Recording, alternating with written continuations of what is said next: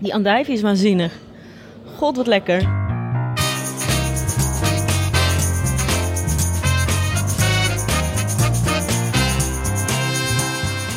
Hoi, het heeft even geduurd, maar we zijn er weer.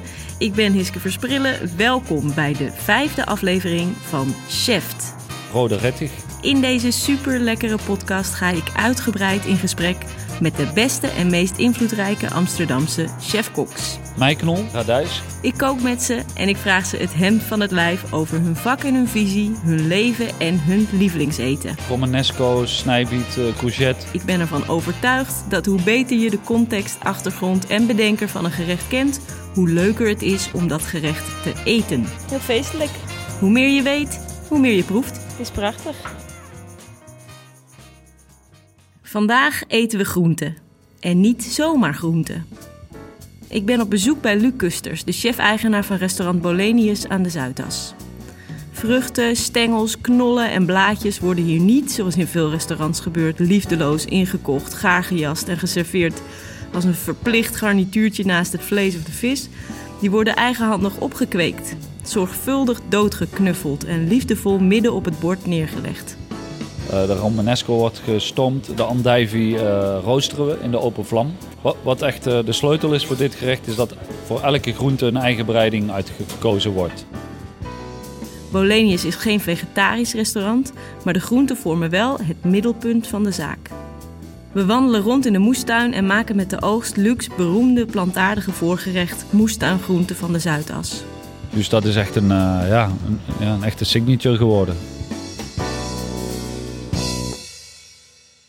Ondertussen spreek ik hem uitgebreid over toewijding en visie, over zijn klassieke achtergrond en de toekomst van de Nederlandse gastronomie. Ik leer wat je met een onverwachte oogst onrijpe tomaten kunt doen en hoe je lenteuitjes zo bereidt dat ze door en door gaar zijn, maar niet snotterig. Ugh, snotterig. Ik sprak Luc Kusters al een paar keer eerder voor artikelen en ik vond hem altijd eigenlijk vrij moeilijk te plaatsen in het culinaire landschap van Amsterdam. Hij komt uit de klassiek Franse traditie en was lang de rechterhand van Robert Kranenborg, maar hij maakte juist na met een lichtere, vleesluwe stijl op basis van groenten. Nu citeert hij uit het gestructureerde Japanse managementsysteem Lean, waar hij fan van is. Ik, ik hou wel van uh, dat het heel geordend is. En dan weer de chaotische Californische jaren 90 punkband NoFX, waar hij ook fan van is. Een beetje anarchistisch ben ik wel, ja. Ik wil maar zeggen, plaats Kusters in een hokje en hij krabbelt er onmiddellijk weer uit. Een bezoek aan Bolenius begint niet in de keuken, maar in de moestuin, even verderop. We lopen dus over de, nu over de Zuidas en die ligt goed zichtbaar vanaf de straat bovenop een parkeergarage. Tussen de torens vol advocaten, accountants, bankiers en consultants. In. Er zit geen poortje, maar u kunt er zo uh, in. Dit interview vond al plaats in september. Vandaar dat wat we maken echt een najaarsgerecht is. Met vroeg herfstig groen. Het heeft veel geregend, het is al best koud. Erg wilderig ligt de boel er niet meer bij. Dus uh, eigenlijk is het nu een slechte timing. Maar goed, uh, desom, ja, desalniettemin staat er echt wel veel.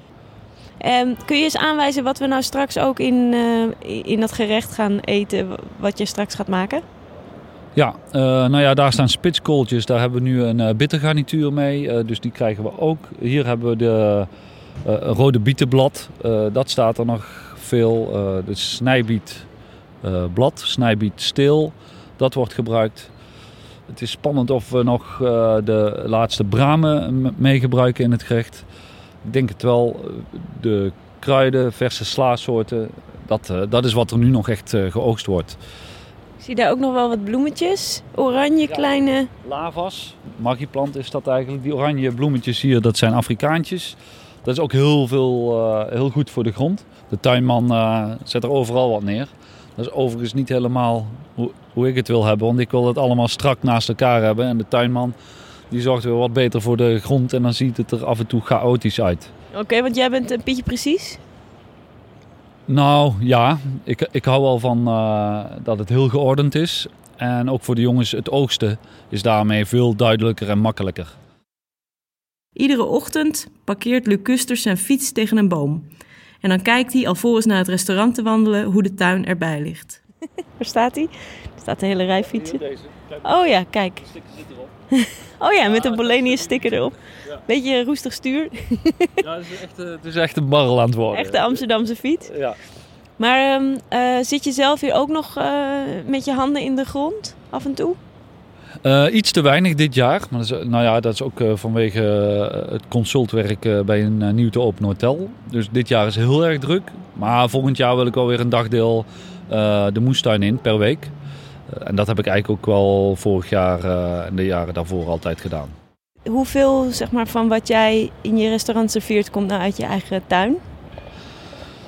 Ja, eh, vooral qua kruiden en bloemen en alles, dan moet je denken aan 20% wat je er toch wel uithaalt.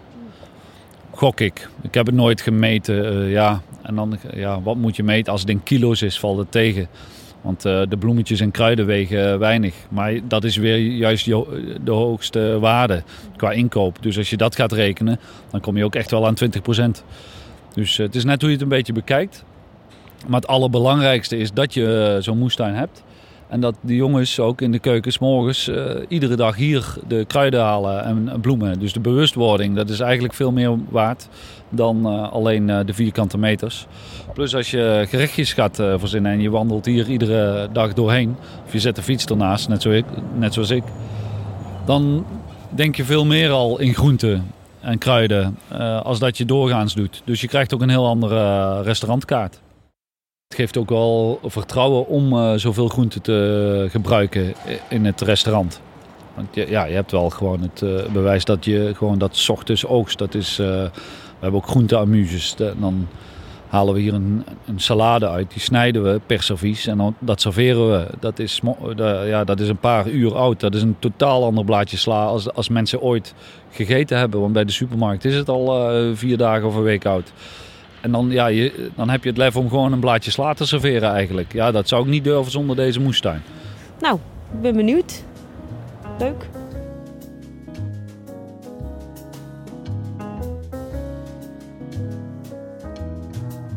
Luc Kusters werd geboren in Leunen, een klein plaatsje bij Venray. In Roermond volgde hij de koksopleiding. En hij kwam te werken bij de grote chefs van het zuiden. René Brine, Margot Reuten, Twan Hermsen. Nou, dan raak je eh, in aanraking met eh, topgastronomie. En dat is verslavend. En vandaar dat ik het nog steeds doe. Wat was het als jou als 15-jarige wat je zo aansprak? Je zei het is verslavend werken in de topgastronomie. Kun je een moment herinneren waarop je dacht... Nou, de, ja, de- wat verslavend is, is de netheid van werken. Ik stoor me heel erg aan rommel. Dat kunnen alle koks hier beamen. Eh, en de producten. De mooiere producten dan een ander. Dat is gewoon ja, een voorrecht. En daarna werd hij de rechterhand van Robert Kranenborg. Toen dat tijd eh, kwam eigenlijk wel het Amstel Hotel bovendrijven als de leerschool met Kranenborg, 40 koks en eh, ja, op naar de drie sterren. Daarna Vossius, zijn eigen restaurant. En daarna eh, Le Cirque, dus drie verschillende restaurants gedaan. Le Cirque als chef-kok gedaan. En, eh, maar ook in samenwerking met Kranenborg. Dus acht jaar met, eh, met hem gewerkt. Is hij belangrijk geweest voor jouw ontwikkeling? Ja, zeker. Vertel eens wat... Lekker eh, streng. Ja? Ja, hij werd toen altijd de Louis van Gaal van de Nederlandse gastronomie genoemd. Dat klopt ook wel een beetje. Eh, Ja. streng, maar wel eh, rechtvaardig, eerlijk. En ja, daar kan ik wel mee leven. Ja. Maar wat, heb je dat ook van hem overgenomen daarin? Of, Weet ik niet. Dat is, ik denk het wel een beetje. En maar vertel eens, want jij zegt hij, maar ik bedoel, je hebt vast meer over hem te zeggen dan dat hij streng is. Hij, hij, hij is echt een hele grote kok, toch? Ik bedoel, hij, wat heb je van Ja, hem geleerd? K- Kranenborg is echt een kok in hart en nieren. Eh, nog steeds ook. Ja. Dat is eh, heel mooi om te zien. En eh, heeft zich altijd afgevraagd hoe en wat en waarom. En dat, dat neem je dan ook over. Waarom je zoet gebruikt. Ja, waarom moet je suiker gebruiken als groenten voldoende suikers in zichzelf hebben? Ja, daar komt wel me- mede de manier van denken vandaan. Vragen blijven stellen. Ja, niet als vanzelfsprekend. ja. ja. En zo kom je ook altijd verder en kun je je altijd verbeteren. En het, eh, eh, het was gewoon die, die bevlogenheid, die zat er dus al vanaf het begin in. Van- Ja. Die, eh, die hij had. En had je, had je ook eh, een beeld voor je van wat je wilde? Ja, een eigen zaak. Maar dat het er zo uitziet eh, zoals nu, dat ja, dat. eh, nee.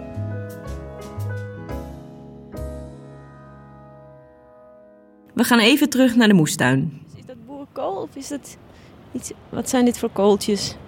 Ja, dit is de eerste paarse boerenkool, eigenlijk. Heel mooi is die zeg. Wat Ja. een mooie kleur. Ja, dat is echt schitterend. Heb je, eh, voordat je hier de moestuin begon die bij Bolenius hoort, had je toen ook al een moestuin? Ben je iemand die eh, altijd al een beetje groene vingers heeft gehad? Eh, ik, heb, ik heb nooit een moestuin bij het restaurant gehad. Dat is echt eh, vanaf eh, dag 1 hier in Bolenius nieuw. Dat- want dan praat ik over tien jaar geleden bijna. Dat je, dat je gaat kijken hoe je dat concept gaat schrijven. En vroeger gewoon op het land gewerkt. Hè. En in de Hoezo gewoon op het land gewerkt?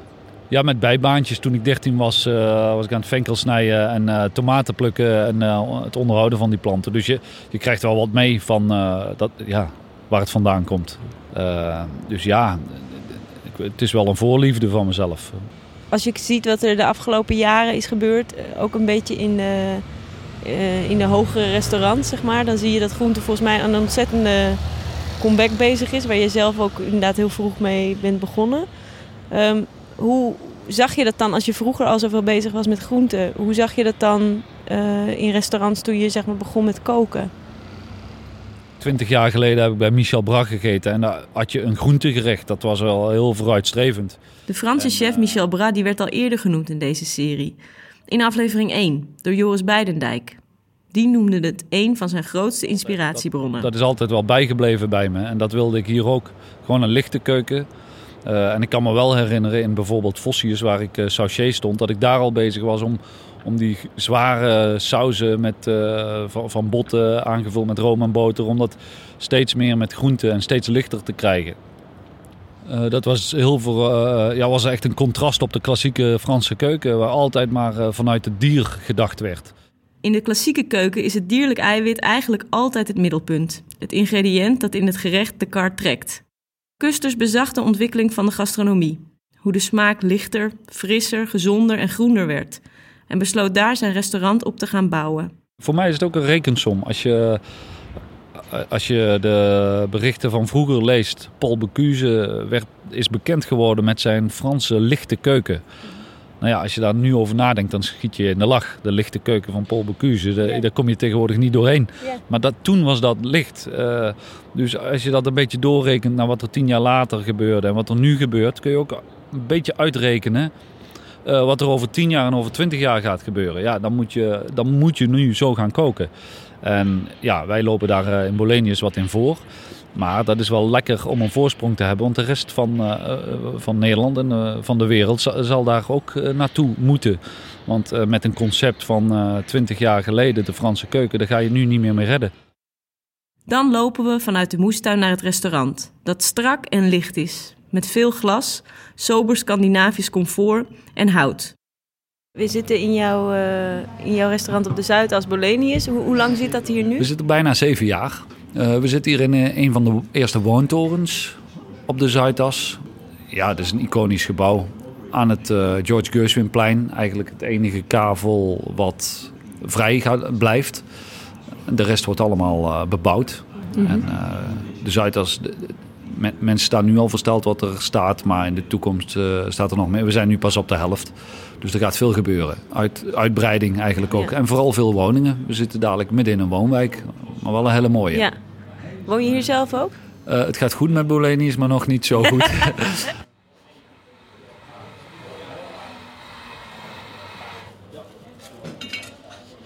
Hallo. De keuken is ook minimalistisch ingericht. Dag allemaal. Kijk, 1, 2, 3, 4, 5, 6. Hoeveel man staat hier nou? Veel te veel. veel te veel koks. Er staan zeven koks te koken, die geruisloos om elkaar heen bewegen. Uh, ja, dat is wel een royale dag. Oké. Okay. Maar uh, er is ook er een extra stagiair vandaag bij, dus... Uh, er komt van alles aan. Wat hier eigenlijk voorbereid staat, en zo draaien we eigenlijk tegenwoordig ook altijd servies. de garingen van de groenten zijn altijd vooraf bepaald. Maar kun je daar iets over zeggen, over het garen van groenten? Ja, daar kan ik heel veel over zeggen. Wat, wat echt uh, de sleutel is voor dit gerecht, is dat voor elke groente een eigen bereiding uitgekozen wordt. En, uh, want op dit plateautje bijvoorbeeld zie je klaarstaan eigenlijk allemaal groene groenten. En vraag aan uh, 100 koks om die te bereiden. Dan 99 van die koks die zetten een grote pan water op. En uh, gaan alles blancheren. En dat is lekker snel en blijft mooi groen. Want ik zie op dat plaatje dus uh, spertieboontjes. Ja, lente-uitjes, romanesco's, snijbiet, uh, courgette, uh, andijvie. Nou ja, dat blancheren wat ik, uh, waar ik het net over had, dat doen we dus sowieso niet hier. Want dat gaat dus als volgt. Je zet een pan met kokend water op en daar gooi je alles achter elkaar in. Of hoe ja, gaat het dan? Ja, een, een grote pan met water, nou, een beetje zout erbij. En nou ja, daarna gaat het op ijswater. Maar ja, alle smaak gaat natuurlijk in het water zitten en de groenten smaken niet, niet zoals ze kunnen smaken. Dus dat, uh, we stoven heel veel. Uh, bijvoorbeeld uh, courgette, dan zetten we wel een pan water op met zout. Daar dompelen we het in 5 seconden en dan gaat het op plateau en dan wordt het teruggekoeld. de romanesco wordt gestoomd. De andijvie roosteren we in de open vlam. Nou ja, wat ik zei, tataki noemen de Japanners dat. Dat soort bereidingen. De boontjes worden gestoofd. Voor de lenteuitjes, want die, meestal heb je aan de buitenkant zijn ze iets te gaar, dat ze slijmerig zijn. En binnen zijn ze nog niet gaar. Uh, dat gaat uh, in een vacuümzakje, dat gaat in de magnetron. 3 keer 30 seconden. Dat gaat van, van binnenuit dan? Nou ja, precies. Maar dat we zo omgaan met groenten, dat is wel uh, het verschil gebleken in Nederland. Het gaat om aandacht voor, voor die producten, denk ik. Ja, en de juiste bereiding met het juiste product.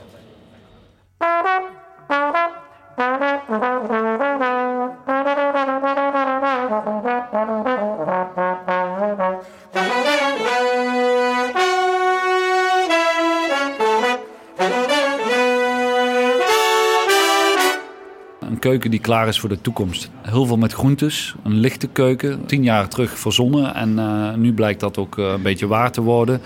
En over twintig jaar, of weer tien jaar verder, in totaal twintig jaar, hoop ik dan ook dat we daarom bekend staan. Ja, het is het herontdekken van de Nederlandse keuken.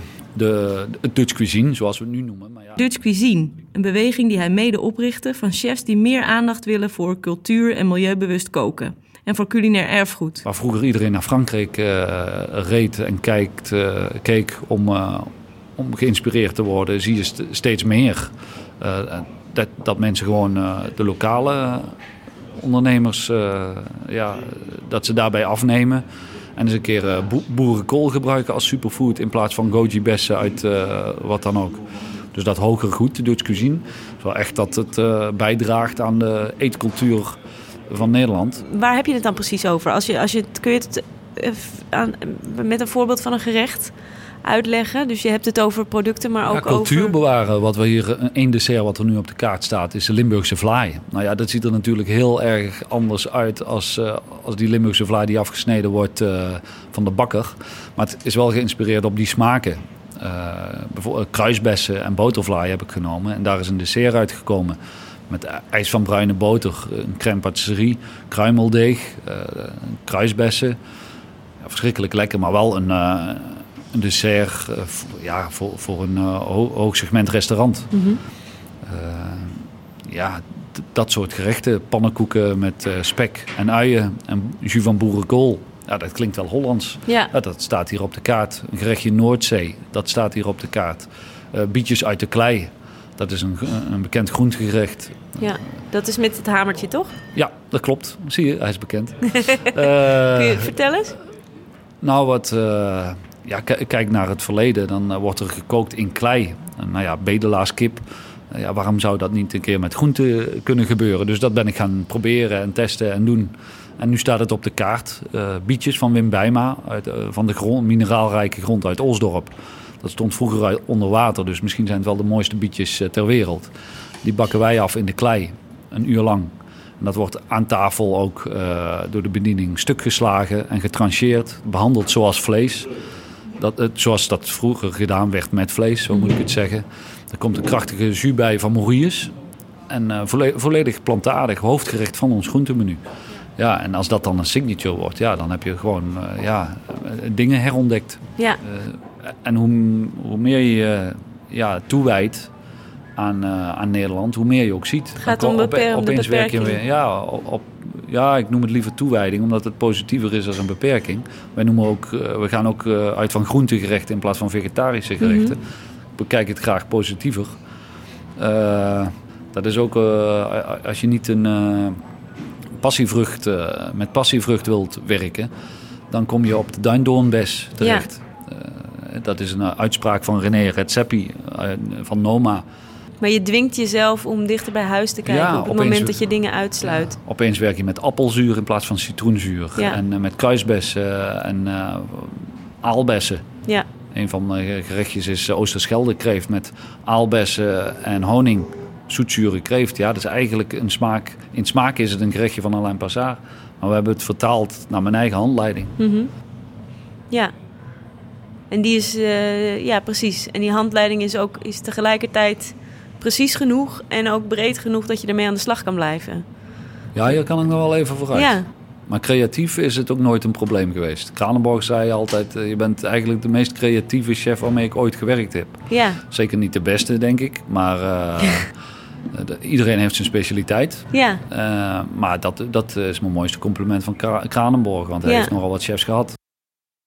En die creativiteit, precies ja. Die uitzicht dus door... Gewoon geen angst hebt voor die beperking. Ja. Om het dan maar zo even te noemen. Nu lijkt Kusters voorspelling uit te komen. Groenten worden steeds belangrijker gevonden, juist ook in de topgastronomie.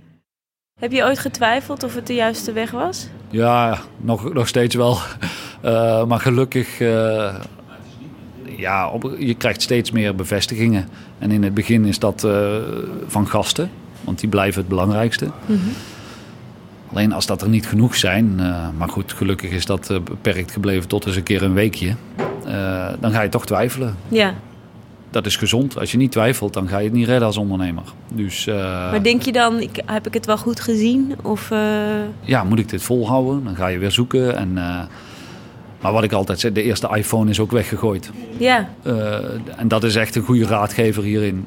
Volhouden. En ja, gelukkig blijk ik daarin wel gelijk te krijgen. Je hebt even kijken, wanneer was het? Voor afgelopen jaar een Michelinster gekregen. Ja. Volgens veel mensen een paar jaar te laat. Is dat, is dat iets waarvan je zit, zegt, oh ja, eindelijk die erkenning? Ja, dat is een van die uh, ja, punten waarvan je denkt, ja, we zijn wel...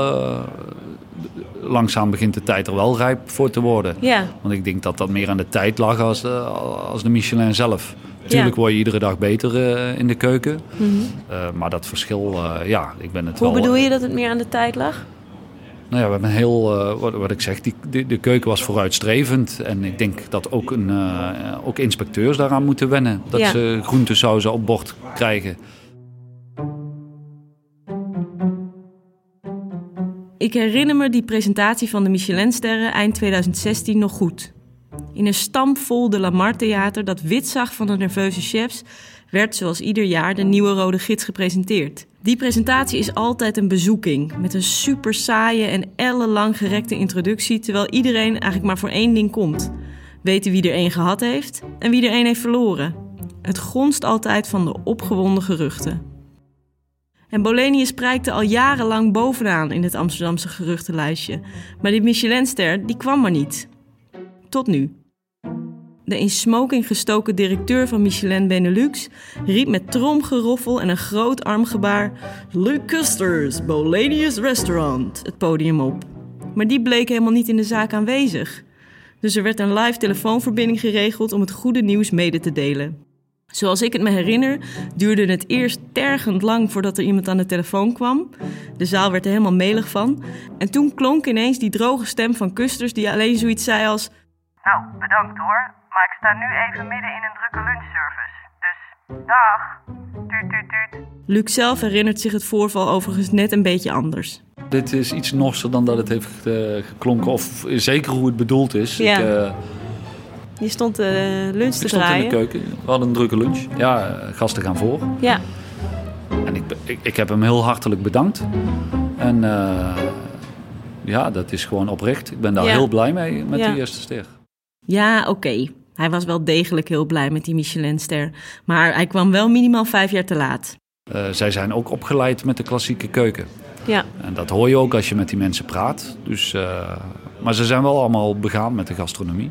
De- precies. Ja, die- maar niet de gastronomie die uh, over tien jaar uh, plaatsvindt. Tja, een beetje ouderwets zijn ze wel daar bij Michelin. En die tweede, ja, die mag nu ook wel eens komen, zegt hij.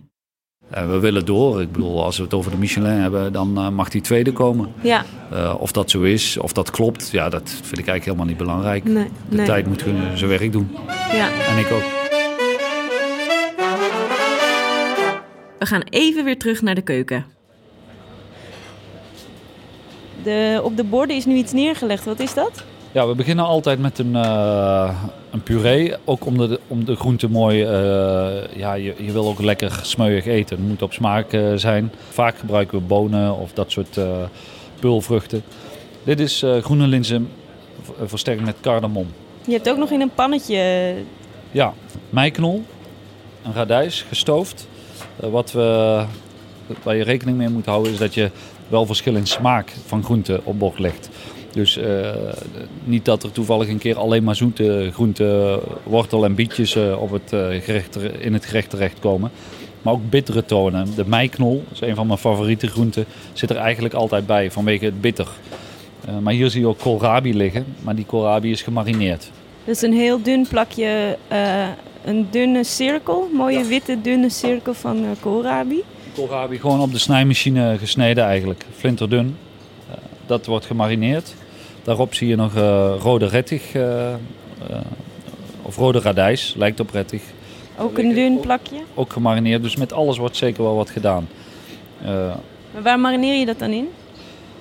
eh, dat is een eh shallot vinaigrette hier, eh, gewoon zel- een zelfgemaakte shallot vinaigrette. Dus, eh, en dan ook veel shallotten, stoven. Dus, en die zorgen dan voor het, eh, voor het zoete. Eh, omdat ik geen, in de hartige keuken geen suiker gebruik. Dat, eh, als je genoeg groente eh, goed bereidt, dan, dan wordt het zoet genoeg. Je hebt geen suiker nodig. Ehm, nou ja, dat blussen we af met azijn. En ook de purees en elke bereiding. Dit, dit gerecht is ook 100% eh, plantaardig. Dus er, wordt niet met room of boter of wa- wat dan ook, of bouillon gekookt. Het is allemaal plantaardig. Het gaat voor een heel groot. ehm, ik denk dat de beweging voor een heel groot deel gaat om, het, om, de, om ingrediënten die een bepaalde status hebben. Hè? Dus het oude idee dat vlees een soort van hogere status heeft Ja. eh, in, in restaurants. Ja, Dan, ja daar ben eh, ik wat minder gevoelig voor. Ik denk dat het ook daar vandaan komt, de, van de status van producten. Als het maar vers is, dan eh, eet ik net zo graag makreel als tarbot. Ja, Eh, aan de andere kant van de we- wereld eh, is kabeljauw een exclusieve vis. En maken ze van de tarbot kibbeling. Dus, en wie heeft er nu gelijk? Ik weet het niet. Maar daar maak ik me ook niet druk om als die vi- vis maar kraakvers is. ja. Maar hier heeft tarbot status en krijg je daar eigenlijk ja, meer chic publiek mee. Omdat het tarbot is. Ja, maar die tarbot kan nog steeds slecht zijn. Is dat altijd, eh, ben je altijd eh, ongevoelig geweest voor status? Nou, eh, een beetje anarchistisch ben ik wel, ja. Vroeger veel naar punkbandjes geweest, nog steeds. En dat is ook wel een inspiratie. Ik ken nog steeds een punkbandje, dat doen ze al 30 jaar. Er zijn weinig punkbandjes die dat volhouden. Het is een hele kleine niche-markt natuurlijk, die Mhm. punkmuziek. Maar als je daar dan een bandje bent van der- wat 30 jaar meegaat daar eigenlijk eh, een- volledig miljonair mee wordt, dan denk je, ja, als je, als je gewoon je eigen ding maar blijft doen. Wie, wie zijn dat dan? eh, NoFX. oh ja, Dat zijn een beetje de Rolling Stones ja van de van de punkwereld. punkmuziek, ja natuurlijk. Eén keer in de drie jaar komen ze nog in de Melkweg. Ja. Ga ik er ook altijd heen. Ja, dat is wel een inspiratie dat, dat je als je je eigen ding gewoon koestert ja. en daar ook niet van afwijkt, dat je gewoon op lange termijn daar eh, het heel erg goed mee kunt doen.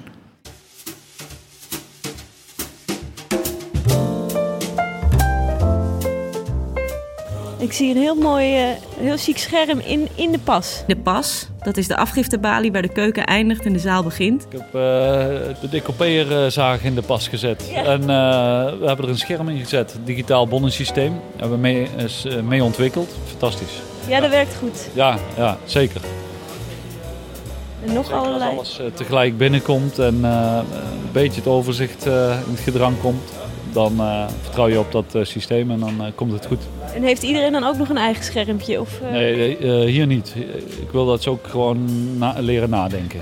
Oké, ja, toe dat denk ik wel eens had ik maar zes schermpjes. Dan, eh, zes robots. Ja, ja nee. Moet gewoon gelukkig hebben we een ambacht. En eh, wat, de, wat de robots ook gaan doen, dat, eh, voorlopig hebben wij nog wel werk.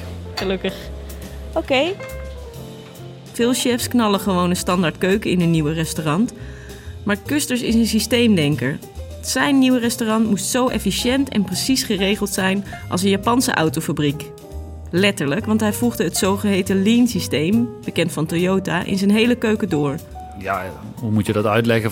Veel mensen vragen waar moet ik dan aan denken. Maar eh, heel- simpel eigenlijk, denk aan een snijplank. In heel veel keukens is er ergens een kastje voor een snijplank. Ja, dat, die vierkante meter hebben we hier niet. Hij ligt op zijn plek, of hij gaat eh, door de wasstraat. En tijdens die 10 minuten dat hij daar is, kunnen ze de werkbank weer schoonmaken en kan hij terug op zijn plek. En dan heb ik die vierkante meter niet nodig en dan hoef ik nooit te zeggen, ruim die snijplank eens op. Dus uiteindelijk zorgt het systeem ervoor dat ik eh, minder tijd kwijt ben. Dat en het hier- systeem heb je zelf eh, bedacht. Ja, dat, eh, dat heb ik wel. Nou ja, zelf bedacht. Dat is ook boeken lezen over lean production, eh, dat, dat hoger eh, management. Dat is ook naar cursussen gaan in je vrije tijd van lean production. Echt? Dus ja, dat is, je vindt het leuk, dan ga je erin graven en dan word je er beter van. En dan doe je er wat mee en dan kun je daar je, bedrijf effi- efficiënt mee laten werken. Hij geeft nog een paar voorbeelden. Ja, eigenlijk alle rand werkzaamheden eh, niet meer doen. Dat is in het kort wat het. eh, en, en dingen eigenlijk in een heel vroeg stadium eh, doen, waardoor je ze maar één keer hoeft te doen. Bijvoorbeeld de wijnen die hier binnenkomen. eh, die worden meteen uit de doos gepakt, die worden in het rek gelegd en de dozen gaan retour naar de wijnleverancier. Wij, ik hoef hier nooit te zeggen, ruim die doos eens op. Nou, dit is een heel herkenbaar iets voor menig eh, restauranthouder of, eh of maître. Want dat is een, een heel vervelende dagtaak. Dat moeten ze altijd zeggen. Nee, ik, hoef- ik heb het hier al zeven jaar niet gezegd. Nou ja, Ja. dus is er een resultaat. Ja, we hebben hier geen warmtebrug. Nee, dat viel me ook. Ik, ik zei dus, er zit een scherm in de pas. En toen dacht ik, is het de pas? Ja, de pas is van de bediening, daar Ja. koken wij niet op. Ja. Als het bord daar staat, het is voor iedereen duidelijk, het is af, het mag mee. Ja, En dat hoeven we ook niet te zeggen, want iedereen weet het. Ze laten het wel uit hun hoofd om vijf minuten te laten komen. Dat hebben ze, doen ze één keer. En daar hebben we ook oplossingen voor. Valt wel mee. Maar als alles klaar staat van tevoren en je pakt als laatste, op het laatste moment het bord, een warm bord. Je maakt het gerecht, dan kan het meteen mee. En dan kun je door met het volgende. ja. Dus die productie is omgedraaid. En dan heb je dat helemaal niet nodig. En dan krijg je ook een, ander, eh, een keuken die anders werkt. Je wordt ook wel gedwongen naar een minimalistische stijl, maar dat is toch al mijn voorliefde. Dus eh, dat heeft er wel allemaal mee te maken. Ja. Die logistiek is bepalend voor de stijl. ja. Ja. Want we zagen net ook al toen ik in de keuken keek. Je zei het is een beetje druk. Maar het, het zag er allemaal heel... Het stond helemaal vol. Maar iedereen... Er was wel een soort rust of zo. Dat, is waarschijnlijk naar je naar op zoek ja. bent. Ja. Toch? Efficiëntie is dat dan. ja, de dagen zijn al lang genoeg. En eh, de gedachte in de horeca van, oh ja, maar we zijn er toch, dan doen we dat vanavond nog wel even. Ja, als je zo blijft denken, kom je er ook nooit uit. Ja, Dus eh, we werken ook lange dagen, maar eh, we- ja, hier op de Zuidas, we zijn we 11 uur staan de koks vaak wel buiten. ja. En het is geen nachtwerk. Dat kan gewoon, ja. Ja, Ja. dat moet kunnen. Wat grappig. Want eh, het, dat is niet gangbaar, denk ik, in zo'n zaak als dit. Dat de koks om 11 uur buiten staan. Nee, maar ik denk ook niet dat er echt een zaak zoals dit is. En dan wil ik niet zeggen dat dit beter of slechter is, het is anders. Eh, zeker met de logistiek waar we het dan nu over hebben. Ja. En dat, is dat ook iets waar je altijd aan blijft eh, schaven? Of zijn het... eh, Ja, dat laat ik niet los. Dat, ik denk dat we daar nog wel een procent of tien in kunnen winnen. Ja. En wat zijn... Je hebt ook echt... heb je spreadsheets waar je dat op uittekent? Of heb je echt een systeem? Ja, die spreadsheets zijn er wel, maar die dwalen vooral in mijn hoofd. Gewoon, dat is, bijzonder. is gewoon heel logisch nadenken. Maar het is niet iets wat je bij veel collega's ook ziet op die manier. Of Nee, zo ver nee. doorgevoerd. Nee, Ja, het is Bijna eigenlijk niemand. bijzonder. Zeker als je ziet eh, waar we nu zitten. Die hele Zuidas, die hangt natuurlijk van lean eh, aan Ja, elkaar. Al is- alle grote bedrijven werken ja, daarmee. het wordt gevoed door goed te kijken naar andere bedrijfstakken dan de horeca. Ja, In die zin is er in de horeca heel weinig budget voor ontwikkeling, voor, eh, voor dit soort dingen.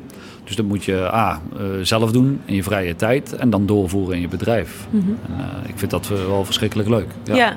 want als je kijkt naar wat, zeker die tophoreca, mensen werken verschrikkelijk hard. en hele lange dagen. Heb jij het idee dat als mensen meer zouden werken zoals jij, dat dat anders zou kunnen? Er kan heel veel ge- gewonnen worden. Maar goed, ja, dat moet iedereen voor zich weten. Nee, dat begrijp ik Ja. wel. Maar ik vind, het zo'n, ik vind het altijd zo'n wonderlijk gegeven dat je zo'n bedrijfstak hebt. Even kijken, Wildeman die zei dat in sommige restaurants de, de sociale ontwikkeling 100 jaar heeft stilgestaan. Ook als je Ja. kijkt eh, hoe. eh, de- de- bedoel, daar, wordt, daar verandert natuurlijk ook ontzettend veel in de manier waarop er in keukens met elkaar wordt omgegaan en in. eh, ehm, en de hiërarchie en zo, dat die, Ja. die eh, militaristische en de, en de lange dagen die mensen werken. Ehm, dus dat, ik vind het grappig omdat ik het idee heb dat dat misschien een beetje samenhangt. Nou, het zijn wel twee verschillende. De logistiek is totaal iets anders dan de hiërarchie. Ik denk dat de hiërarchie nog steeds nodig is, omdat, Ja. er, eh, eh, omdat als er servies is, dan moeten de mensen nu eten en niet vanavond of morgen. Eh, dan heb je hiërarchie nodig om beslissingen te kunnen maken. Ja. Dat is in het ziekenhuis ook, waar iemand op de operatietafel ligt. Zeker. En dan gaat het wel over een mensenleven. Hier gaat het om een bordje eten. Eh, dus dat is wel een ander belang. Maar om het goed te willen doen, heb je wel hiërarchie nodig. Ja, Dus die zal altijd blijven. En daar Nee. ben ik ook voorstander van. zeker. Nee, maar dat is ook een, dat is ook een manier van efficiëntie. Ik heb Ja. het meer over de lengte van de dagen. En, eh, Je moet daarbij nadenken, maar ook de lengte van de dagen mag wel blijven bestaan. Maar Ja. dat wil niet zeggen dat we dan ook zo moeten denken dat eh, dat, dat laatste uurtje ook niet meer belangrijk is. Eh, er zijn altijd mensen die, meer, die iets meer willen bereiken en eh, daarom ook be- bereid zijn om er iets meer voor te doen. Dus er zijn altijd lange dagen. ja, En dat is niet de horeca, want we zitten hier op de Zuidas. S S'avonds brandt het licht hier ook om 11 uur op het advocatenkantoor. Omdat mensen nog juist net even wel iets af willen hebben. Ja. Of dat, eh, dat plan in elkaar willen doen. Omdat ze het beter willen doen dan een ander. Heeft en met daarmee dat- meer, wil, meer willen en kunnen bereiken. heeft met ambitie te maken. Dat is, dat is puur ambitie. Ja. Ja, dat is Ja. ambitie gedreven. Ik begrijp het. Ehm, Ik heb het ook niet in 38 uurtjes geleerd. Want dan zou ik dit zo niet hebben verzonnen. En ook eh, de smaak niet hebben ontwikkeld. ja. Dat, Ja. eh, daar heb ik het bijvoorbeeld met de collega veel over, Sydney. Ja, dat is Sidney Schutte. Die kennen we uit aflevering 3, waarin hij een superchique garnaal bereidt. Hij is een goede vriend van Kusters. Ja, ja wa- waarom kom je dan bovendrijven? Of waarom mag je nog advies doen ook? eh, voor de hotels, Sydney doet dat ook. Dat is wel omdat je die investering hebt gedaan vroeger. Ja. En eh, die sportmentaliteit, noem ik het, die mag best wel blijven. Ik ben er een beetje op tegen zelfs dat het wordt ontmoedigd op veel scholen. Ik vind Ja. dat zonde. Want hij had het ook over een verandering in eh, instelling bij veel jonge koks. Ja. Herken jij dat? Ja, dat herken ik zeker. Dus, eh, maar ik prijs me echt gelukkig met de jongens die we nu hebben. Ja. Maar eh, behalve koken moet je je ook echt opvoeden. Ja. Wat, kun je een voorbeeld geven? Nou ja, ik heb hier ook met jonge jongens eh, gezeten. En dan wel na 11 uur, als de rest naar huis is. Om nou eens helemaal op te gaan schrijven wat ze uitgeven in een maand tijd. Ja, als ik geen geld meer had vroeger, dan ging ik niet naar de kroeg. Maar dat is tegenwoordig heel anders. Ja. Dus eh, bizar, maar ook daar, kijk, en dan geef je, geef je wel wat extra's aan die jongens. En zo is het hele leven, dan, het is geven en nemen. Dus ja, dan, staan ze de dag erop ook weer harder voor je te werken. En eh, de, de jongen waarover het gaat, die is daar nu alweer het derde leerjaar hier. Maar jij zegt, je zou wel eens met die opleidingen willen praten... omdat je vindt dat dat eigenlijk hun taak is? Of ligt, is dat nee, nee, maar eh, ze, ze moeten het ook niet ontmoedigen. Ze moeten daar eens eh, eh, neutraal in blijven. Want wat vind je dat ze ontmoedigen? Dat, dat, die, die ambitie? Het investeren, ja, Het investeren. ambitie. ambitie dat, dat wordt wel eens ontmoedigd. Ik denk niet dat ze het zelf doorhebben. Ja, Wellicht omdat ze het zelf niet hebben, of minder. Oh, want je, dat merk je dus aan mensen die niet, die niet willen werken. Of aan, eh, waar merk je dat aan? Nee, Omdat er gezegd wordt, ik hoef helemaal niet zo hard te werken. Ja, nee, ja. Maar dat klopt ook, dat hoeft niet. Maar dan hoef je ook niet hier te werken. En dan hoef je ook niet te dromen van een topfunctie eh, als executive chef in een hotel. Nee, Maar het- inderdaad, de school heeft wel gelijk, het hoeft niet. nee, Maar nee. het is wel eens zonde om dat, eh, die kans te ontnemen bij mensen. Ik heb eigenlijk mijn hele leven zes dagen eh, gewerkt, maar vanaf nu is vrijdag toch echt papadag aan het worden. Ja, En ben ik er gewoon niet. Maar de structuur zorgt dat er ook echt geen enkel verschil zit in de gerechten. ja, We draaien hier op afspraak, op structuur en verbeteren. Als we iets gaan verbeteren, vernieuwen, dan daar ben ik altijd bij. En dat, dat, dat is ook wel de drijvende kracht achter, eh achter Bolenius. Dat doe ik zelf. Dat vind ik ook verschrikkelijk leuk.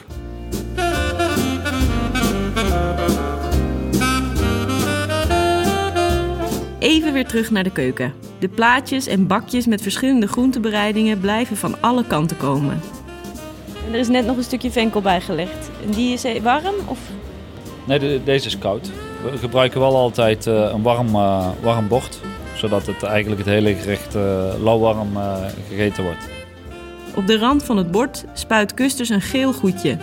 Ketchup is het, van onrijpe tomaten. Die komen ook uit de moestuin, alle groene tomaten. Eh, vroeg geoogst, omdat het gewoon het weer het niet toelaat dat ze doorrijpen. Hebben we, hebben we ervoor gekozen om ze vroeg te oogsten. Want anders gaan ze rotten, dat is zonde. En dan hebben we er een ketchup van gemaakt, dat er ook een, een klein zuur in het gerecht zit. Hè, ehm, die ketchup die ligt op de rand van het bord. Waarom, waarom ligt het op de rand? Nou ja, omdat je dat ook, en, en daarom noemen we het ketchup. Je, je- hoe eet je een ketchup? Af en toe dip je wel, af en toe dip je niet. Dat is gewoon lekker eten. Oké. Geen rocket science. Het is gewoon eh, zo, zoals je het lekker eh, eet. Ja, dat doet iedereen. En alleen als je erover nadenkt, dan denk je, oh ja, leg het eens een keer op de rand van het bord.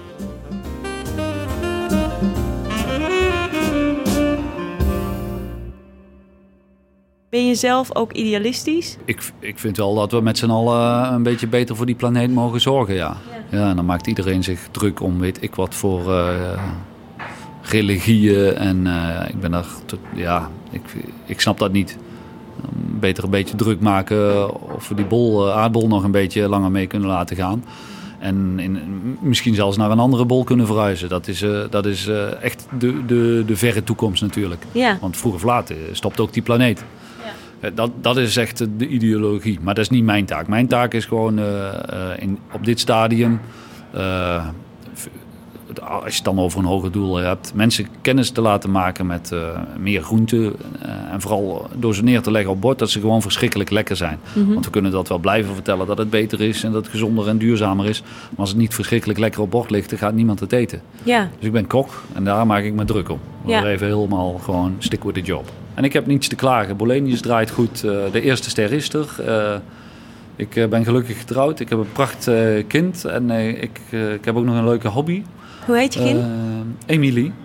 en ze is net, net Ze is al vier weken. geweldig ja, zeg. dus eh, Slaap je een beetje? een beetje. Het voorgerecht is inmiddels bijna klaar. Nou, ik zal het gerecht eh, afmaken. Het is prachtig. Heel feestelijk. Ja, dit is eigenlijk eh, nou ja, inmiddels de signature. En daar beginnen we echt elk eh, menu mee. En waar ook gasten gewoon. Er zijn, we hebben gasten die kom je iedere week. En ik heb ook wel eens voorgesteld, wil je wat van de kaart? Want nee, nee, ze willen echt graag die groente eten. Dus dat is echt wel, eh, meestal verandert er wel wat per groente of seizoen natuurlijk. Dit gerecht ziet er zomers heel anders uit dan 's winters natuurlijk. Zo veelzijdig als de natuur zelf. Ja, maar onze handleiding is altijd dit gerecht. En, eh, maar dat, eh, nee, mensen komen hiervoor. Maar je krijgt nooit rare reacties of zo. Of ook niet in het begin van mensen die zeggen... ik hou niet van groenten, ik ben geen konijn. Ja, in het begin hebben we wat meer weerstand eh, gehad. Maar eh, gelukkig ben ik eigenwijs genoeg om eh, dit hele concept wel eh, te hebben volgehouden. Nu zeven jaar lang. En eh, nu wordt het meer en meer omarmd. Ja, je Dus, wordt eh, zeg maar een beetje... Er is nog ruimte voor eigenwijze mensen. de trend eh, haalt je in. Of eh, nee, haalt je niet in. Je was gewoon voor de horde uit. Ja, dat, dat wel, ja. Dat merk je wel. Zeker. Ja, leuk. Het ziet er heel mooi uit. gaan we hem opeten? Gaan we hem opeten. 21 verschillende najaarsgroenten in allerlei verschillende bereidingen die stuk voor stuk het beste uit ze naar boven moeten brengen. Knollen, bollen, blaadjes, vruchten, stengels, zaadjes en bloemetjes. Zorgvuldig met een pincet op het warme bord bijeengelegd. Nou, we krijgen allemaal een eigen bordje. Dat krijgen we eigenlijk nooit. Dus dit... Krijgt Volkert ook een keer wat te eten. Het is ontzettend lekker. Ik vind echt die linzenpuree met die cardamom... dat heb ik volgens mij al eens eerder tegen je gezegd ook. Dat vind ik zo te gek. Ja, maakt het heel ha- hartig en eh, ook vullend. Dat je ook... eh, Ja. Die andijvie is waanzinnig. God, wat lekker. Ja, Die, de- eh, eigenlijk o- o- ja, haal je hem heel even door de olie. En dan haal je hem door eh, boven de open vlam. Die is een beetje branderig dus door dat... eh, Een beetje bitter wordt hij. En krijgt een beetje barbecue rooksmaak. En, maar het blijft gewoon andijvie. En alle minuten eigenlijk per servies gegaard. Heel snel. Een hele mooie bereiding. Te gek. Is grappig, die ehm, ketchup is echt zo, inderdaad precies zoals je net zei. Dat je er af en toe een hapje van erbij eet. Het is zo'n Ja. beetje zo rinsachtig. Ehm Het zijn ook de, eigenlijk nog niet rijpe tomaten, dus er zit te veel zuur in. Nou ja, dan, dan lenen ze zich voor een ketchup. Het smaakt ook bijna, bijna een beetje citrusachtig. Of Ja. Ja, grappig.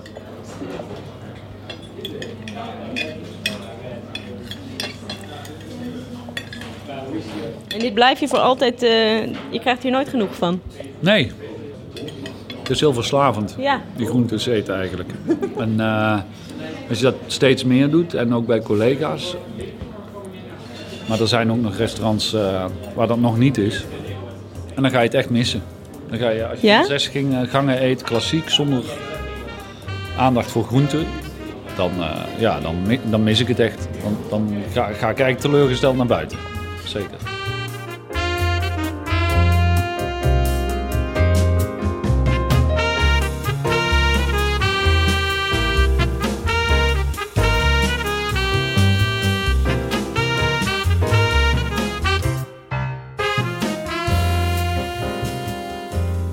Wat ik zo intrigerend vind aan Kusters is die combinatie van anarchisme en structuur. Het idee dat je optimale vrijheid, eigenzinnigheid en zelfstandigheid niet vindt in chaos, maar juist in planning en toewijding. Een man met een strikt eigen visie, die heel vaardig en gedecideerd de kunst van het diamantslijpen combineert met de kunst van het scheid hebben. Tof vind ik dat.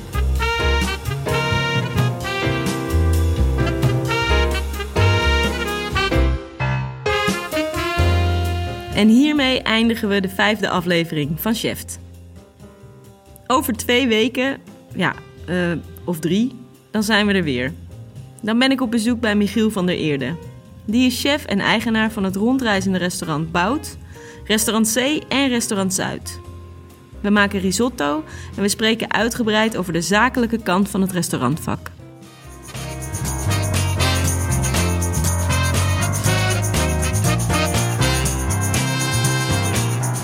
Heel veel dank aan Luc Kusters van restaurant Bolenius. Vorige week openden er maar liefst twee nieuwe zaken waar naar zijn handleiding en met zijn signatuur gekookt wordt. Persijn Dutch Eatery en Juniper Kin. Allebei in het gloednieuwe QO Hotel in het Amstelkwartier. Dus, mocht je zijn beroemde groenten willen proeven, dan kan dat nu ook daar. Ze hebben een kas op het dak. Deze podcast werd geproduceerd door Volkert Koehoorn en Anne Janssens van Dag en Nacht Media. Momkai maakte het artwork en ik ben Hiske Versprillen.